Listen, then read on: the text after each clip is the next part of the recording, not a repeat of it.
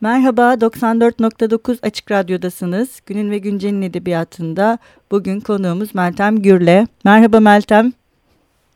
Ee, merhaba, merhaba Seval. Merhaba. Biz ilk defa bir e, telefonla e, programımızı gerçekleştiriyoruz. Çünkü Meltem çok uzaklarda Dublin'den bize sesleniyor bugün. Evet, ee, Dublin'den soğuk, yağmurlu bir sabahtan sesleniyorum. Doğru. E, hoş geldin diyelim ve e, konuklarımıza da Aralık ayını e, Oğuz Atay'ın 40. ölüm yıl dönümü dolayısıyla e, Oğuz Atay'a ayırdığımızı belirtmiştik. İlk iki hafta Ömer Madra ile konuşmuştuk. E, son iki haftada e, Meltem Gürle ile konuşacağız.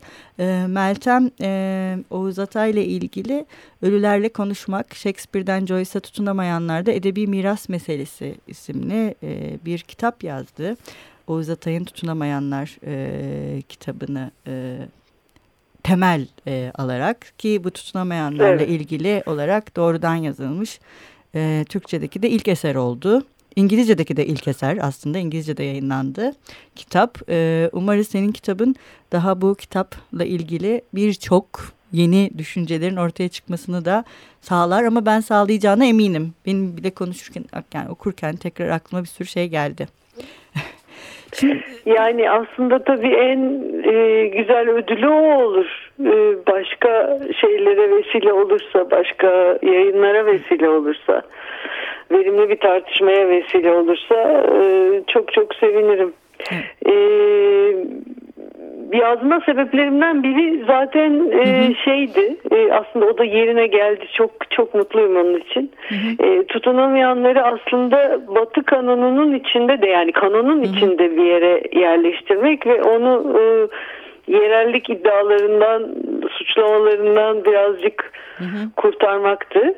Ee, yani bu böyle bir misyon olarak söyleyince çok şey gibi görünüyor. Ama e, büyük bir misyon gibi görünüyor aslında kurtarılmaya ihtiyacı olan bir kitap olduğundan değil ama e, Türkiye'de yazmak Türkiye coğrafyasında bir şey yazmak e, otomatikman yazılan eserleri e, şey kategorisine sokuyor. E, batı'da egzotik bir kategoriye sokuyor.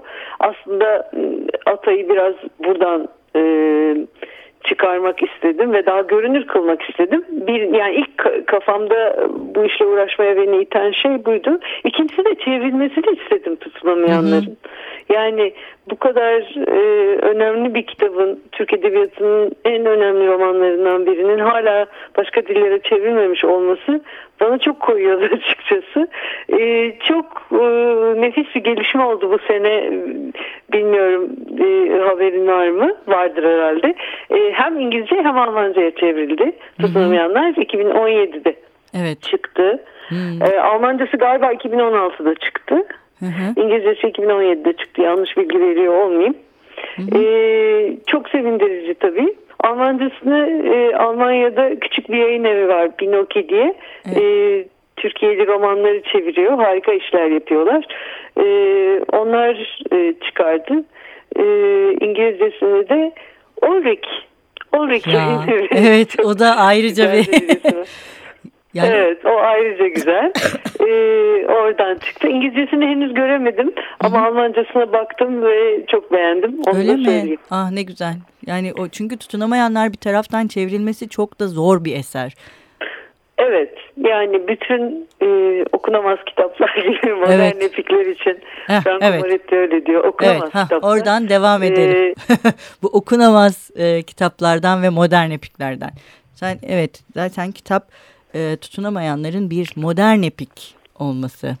Senin kitapta özellikle üzerinde durduğun şeylerden birisi. Evet. Neden tutunamayanlar modern epiktir? Oradan başlayalım. Neden tutunamayanlar modern epiktir? Ee, aslında çok şey söylenebilir ama hı hı. E, herhalde onun için zamanımız yetmez. Kabaca iki tane şey söyleyeyim. Hı hı. E, modern epik e, bu Franco Moretti'nin bir tanımı, bir kategorisi. E, çok da haklı yerinde bir e, kategorik e, ayrıma gidiyor. İki tane sebeple e, tutunamayanları modern epik olarak kategorize edebiliriz. Bir tanesi e, Atay'ın e, aslında daha sonra da devam etmek istediği ve aslında onun yazı geleneğini de belirleyen Türkiye'nin ruhunu anlatma arzusu. Hı. Yani bir saga yazma, bir evet. ulusal saga yazma, ulusal e, hikaye yazma e, arzusu ve e, bu arzunun içinde e, duran e, bütünüyle bir e, dünyayı temsil etme e, ne diyelim hırsı aslında arzusu. Hı hı. Çünkü çok hırslı bir proje bu. Evet. E, bütün modern epiklerde böyle bir e, eğilim var. Yani e, epiye ait bir eğilim bu aslında.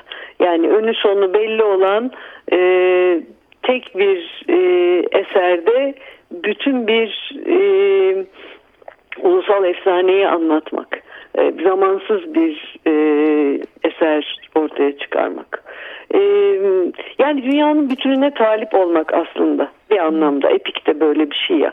Evet. E, bunu buna eşlik eden e, modern epikte onu epikten ayıran şey de bunun olanaksızlığının hissi. Çünkü evet. artık epik zaman e, kapanmış bir zaman artık geride kalmış bir zaman. Böyle bir hikayeyi anlatmak zamansız, kavranabilir ve bütünüyle anlaşılabilir. Yani kendini akla da teslim eden bir dünyayı anlatmak modernlikte olanaksız bir şey. Dolayısıyla sürekli kendini çoğaltan bir söz, sürekli uzayan bir hikaye ve e, bizi bu dünyayı anlatmanın imkansızlığıyla baş başa bırakan bir anlatı biçimiyle karşı karşıya kalıyoruz. Tutunamayanlar da her ikisi de var. Yani hem bu dünyayı anlatma arzusu hem de bunun olanaksızlığının yakıcı hissi hı hı. E, var. Zaten sonu da açık bir roman evet. olarak karşımıza çıkıyor. Evet. E, onun için e, diğer modern epiklerle kardeş. Mesela Ulysses'le kardeş. Evet. Mesela Moby Dick'le e, kardeş. kardeş.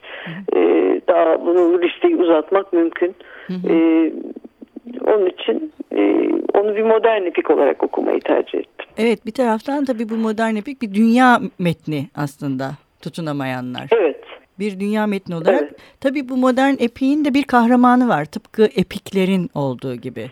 Epik anlatılardaki e, kahramandaki gibi. Sen de yine hem bu modern epikle bağlantılı olarak ama e, sonrasında daha çok e, bir anlatı tekniği olarak yani hem e, bir roman mirası hem işte bilinç akışı tekniğinin ortaya çıkması hem modernleşen insanın tecrübesinin değişiminin aktarımı olarak çok farklı şekillerde bu kahramana da yaklaşıyorsun. E, biraz şeyden evet. devam edelim. Bu modern epik içerisindeki iki kahramanımız Turgut ve Selim Işık'ın hikayesi. E, onları nasıl konumlandırabiliriz? Bu modern...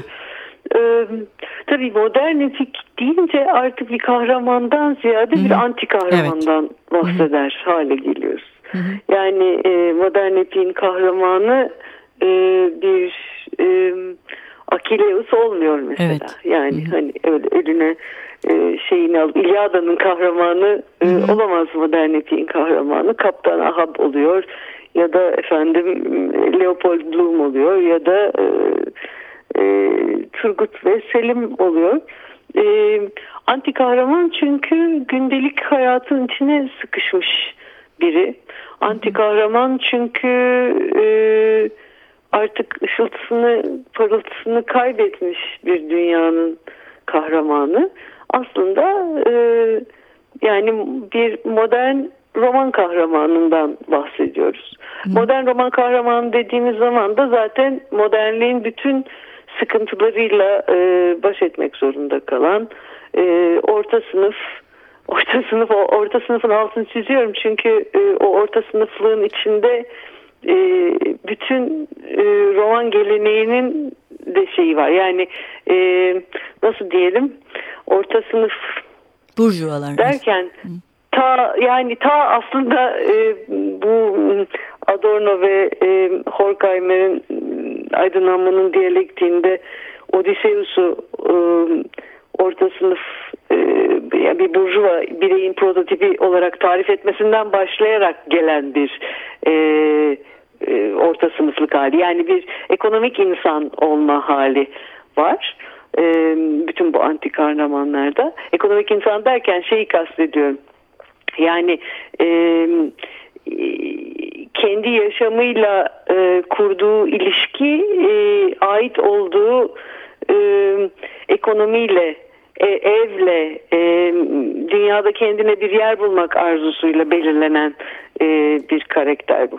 Onun için işte e, büyük kahramanlıklar beklemiyoruz ondan. E, Akileus gibi eline kılıcı alıp e, düşmanın üzerine yürümesini beklemiyoruz da hep evine dönmesini bekliyoruz. Mesela evet. Odysseus'un yaptığı gibi ya da Leopold Bloom'un yaptığı gibi ya da Turgut'un ev arayışı gibi.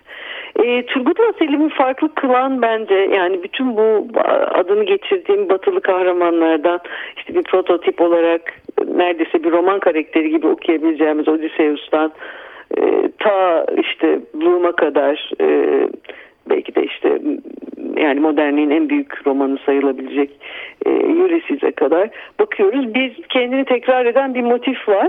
Turgut'la Selim'in hikayesinde o motifin kırıldığı bir yerde var. Onun için benim benim için çok hı hı. ilginç olan tarafı kitabın e, bir e, Gılgamış hikayesi var aslında. Evet. Yani varoluşsal bir e, tema da var.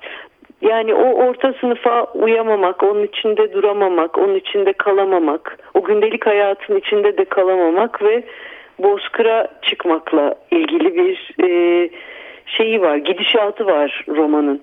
E, sonunda işte Turgut'un e, yavaş yavaş selimleşmesiyle, ölen arkadaşının arkasından e, tuttuğu yasla, Hı hı. Tıpkı Gılgamış gibi işte bir e, varoluşsal meselenin ardından Ankara'nın Bozkır'ında e, yola çıktığını görüyoruz. Yani evini terk ediyor, karısını terk ediyor, o orta sınıf hayatı terk ediyor ve o varoluşsal sorunun peşinden gidiyor. Bu açıdan çok bence eşi benzeri olmayan bir roman.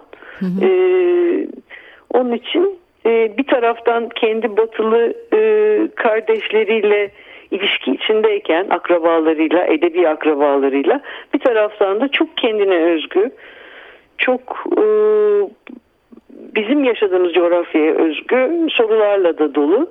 E, bu da tutmayanları çok e, ilginç bir roman kılıyor benim gözümde. Karakterlerini de öyle. Yani Selim'le Turgut'u da e, öyle üstünde durulacak e, sayfalarca yazılacak karakterler haline getiriyor. Neden iki karakter var? Belki bunu da konuşabiliriz. Evet, ben, Ama bilmiyorum oralara evet, şimdi, mi?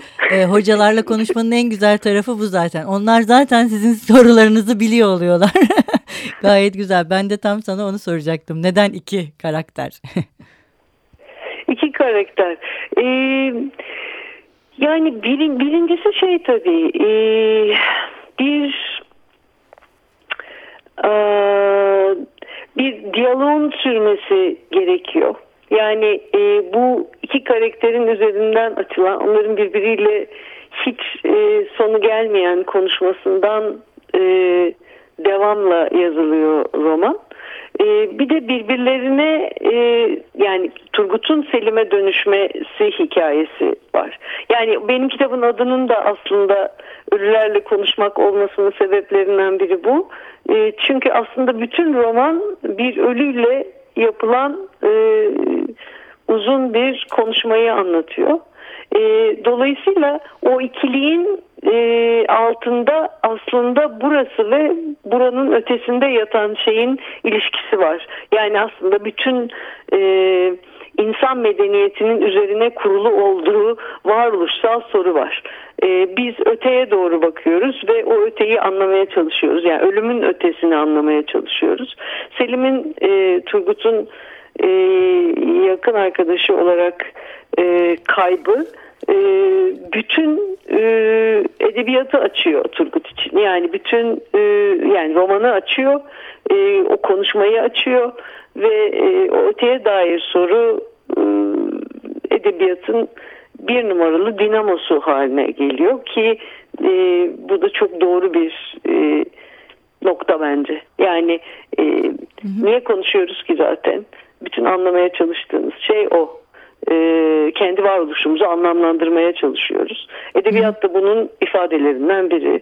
e, ve altında da bu yatıyor. Dolayısıyla yani o iki karakterin yani birinin kaybı üzerine e, konuşmaya başlayan ve diyaloğa geçen o karakterin e, e, Turgut karakterinin e, Selim üzerinden açılması söz konusu. E, Selim olmasaydı belki söz bile olmayacaktı.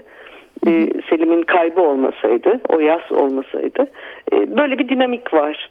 E, sonra e, o ikilik bir kere daha katlanıyor. Turgut'un deliliğiyle beraber yani Turgut deliliği derken artık e, aklın sınırlarının dışına çıkması ve başka bir yerden konuşması ile beraber Ulrich'le Ulrich ortaya çıkıyor genel ev sahnesinde e, genel efendisi tam bir karnaval sahnesi zaten. Evet. Orada duralım ee, mı Meltem? Bir ara verelim. Duralım. duralım tabii. Çünkü şey diye e, biz programda e, kitaplardaki şarkıları çalıyoruz. Çünkü tam genel ev sahnesinde Olrik ortaya tam çıkarken. Tam sahnesinde bolca şarkı var. Evet. evet. Oradan bir şey çalalım mı? E, tango. Sevdim bir genç kadını. Tango tabii. Tamam. Peki. Metine gitsin. Metin evet, Metine gitsin. evet.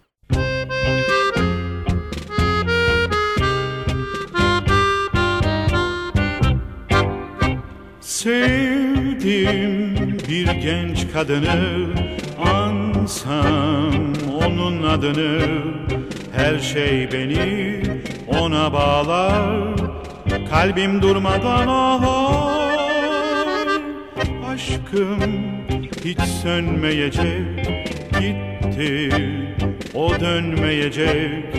Uzun yıllar geçse bile yaşarım hayaliyle.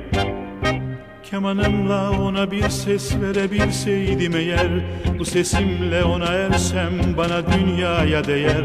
Ne yazık ki deniz engin şu ufuklar ölgün Bin elemle doğuyor her yeni gün. Yarın olsun yarın olsun diye renkler soluyor Neye baksam ne işitsem bana bin dert oluyor. Bu karanlık günün elbet gelecektir sonu. Kalbim özlüyor onu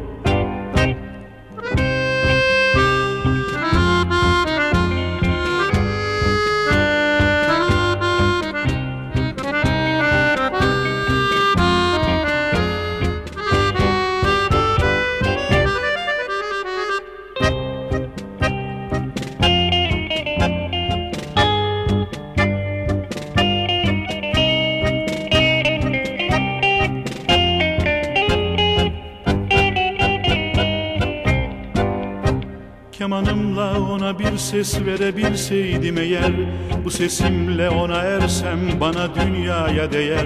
Ne yazık ki deniz engin şu ufuklar ölgün Bin elemle doğuyor her yeni gün. Yarın olsun yarın olsun diye renkler soluyor. Neye baksam ne işitsem bana bin dert oluyor. Bu karanlık günün elbet gelecektir sonu. Kalbim özlüyor onu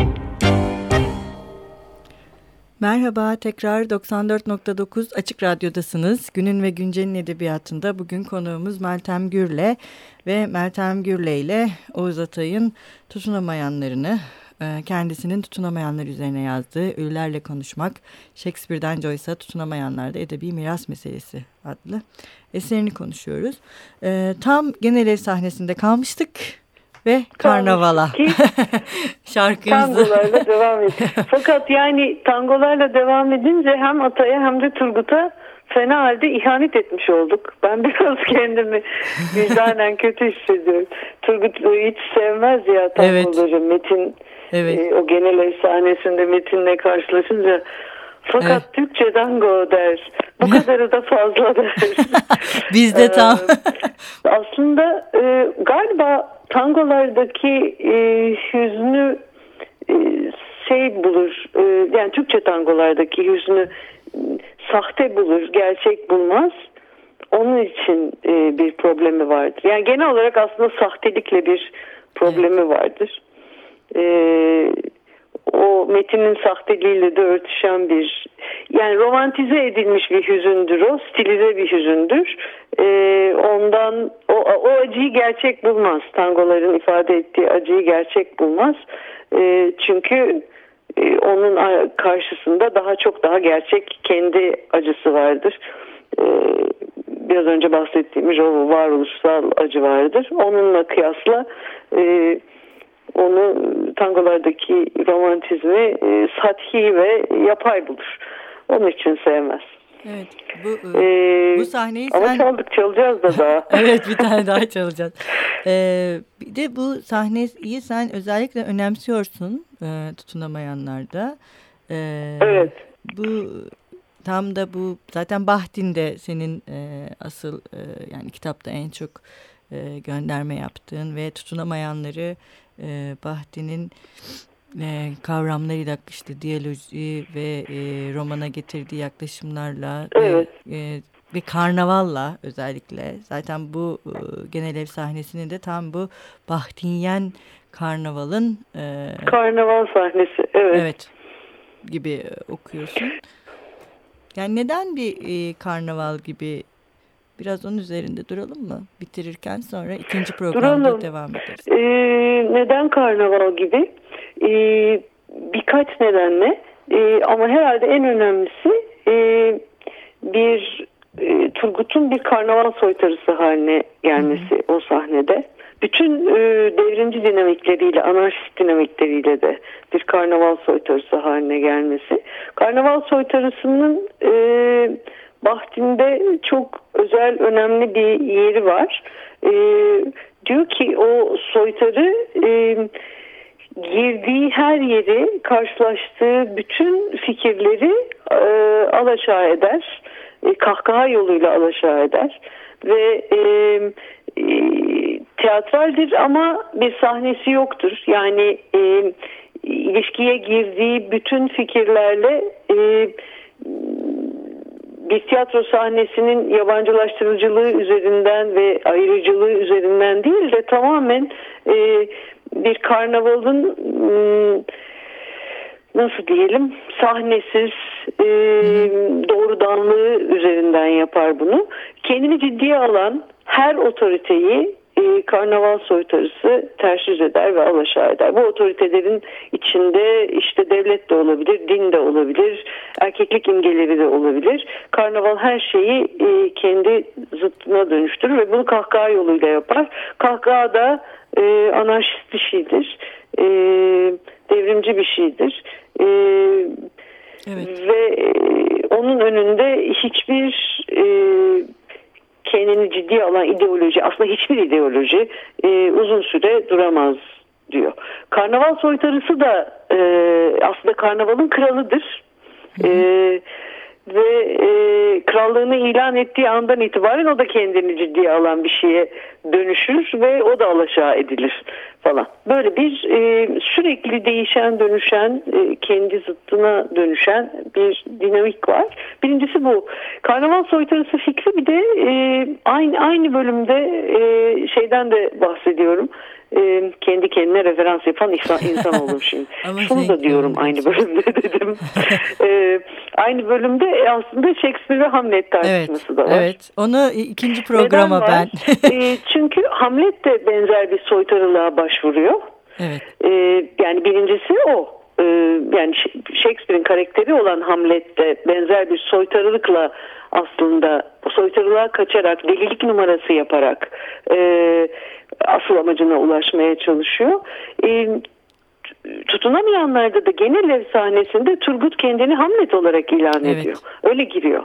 Ben evet. Danimarka kralıyım diyerek giriyor genel eve ve e, öyle uzun bir tiradı var orada. Evet. Yani e, Turgut'un kendini Hamlet'le özdeşleştirmesi tesadüfi değil. Hamlet'in bu özelliğine e, işaret ederek yapıyor onu. E, Hamlet'in e, antik disposition denen o deliliğe başvurması özelliğine ya da soytarılığa başvurması özelliğine e, işaret ederek yapıyor. Bir de tabii aynı bölümde e, o kadar çok şey var ki aslında o evet. bölümde. Genel ev bölümünde. Evet orası çok velut e, bir bölüm. Aydınlanmayla, Türkiye'nin modernleşme Hı. projesiyle, devletle, e, Ankara'yla hesaplaşması var. Ankara'da geç, geçer o bölüm. E, bir de böyle bir e, ideolojik hesaplaşma var. Ama hepsi kahkaha vasıtasıyla yapıldığı için ve hepsi bu tersine döndürme, ters yüz etme jestinin e, değişik yüzleri olduğu için ben bunu bir Bahtiyen e, Karnaval. noktadan öyle bir bakış açısıyla okumayı tercih ettim. Evet. E... Ee, bir de hakikaten tamamen bir karnaval sahnesi. Yani Evet. e, bütün genel ev karakterleri var.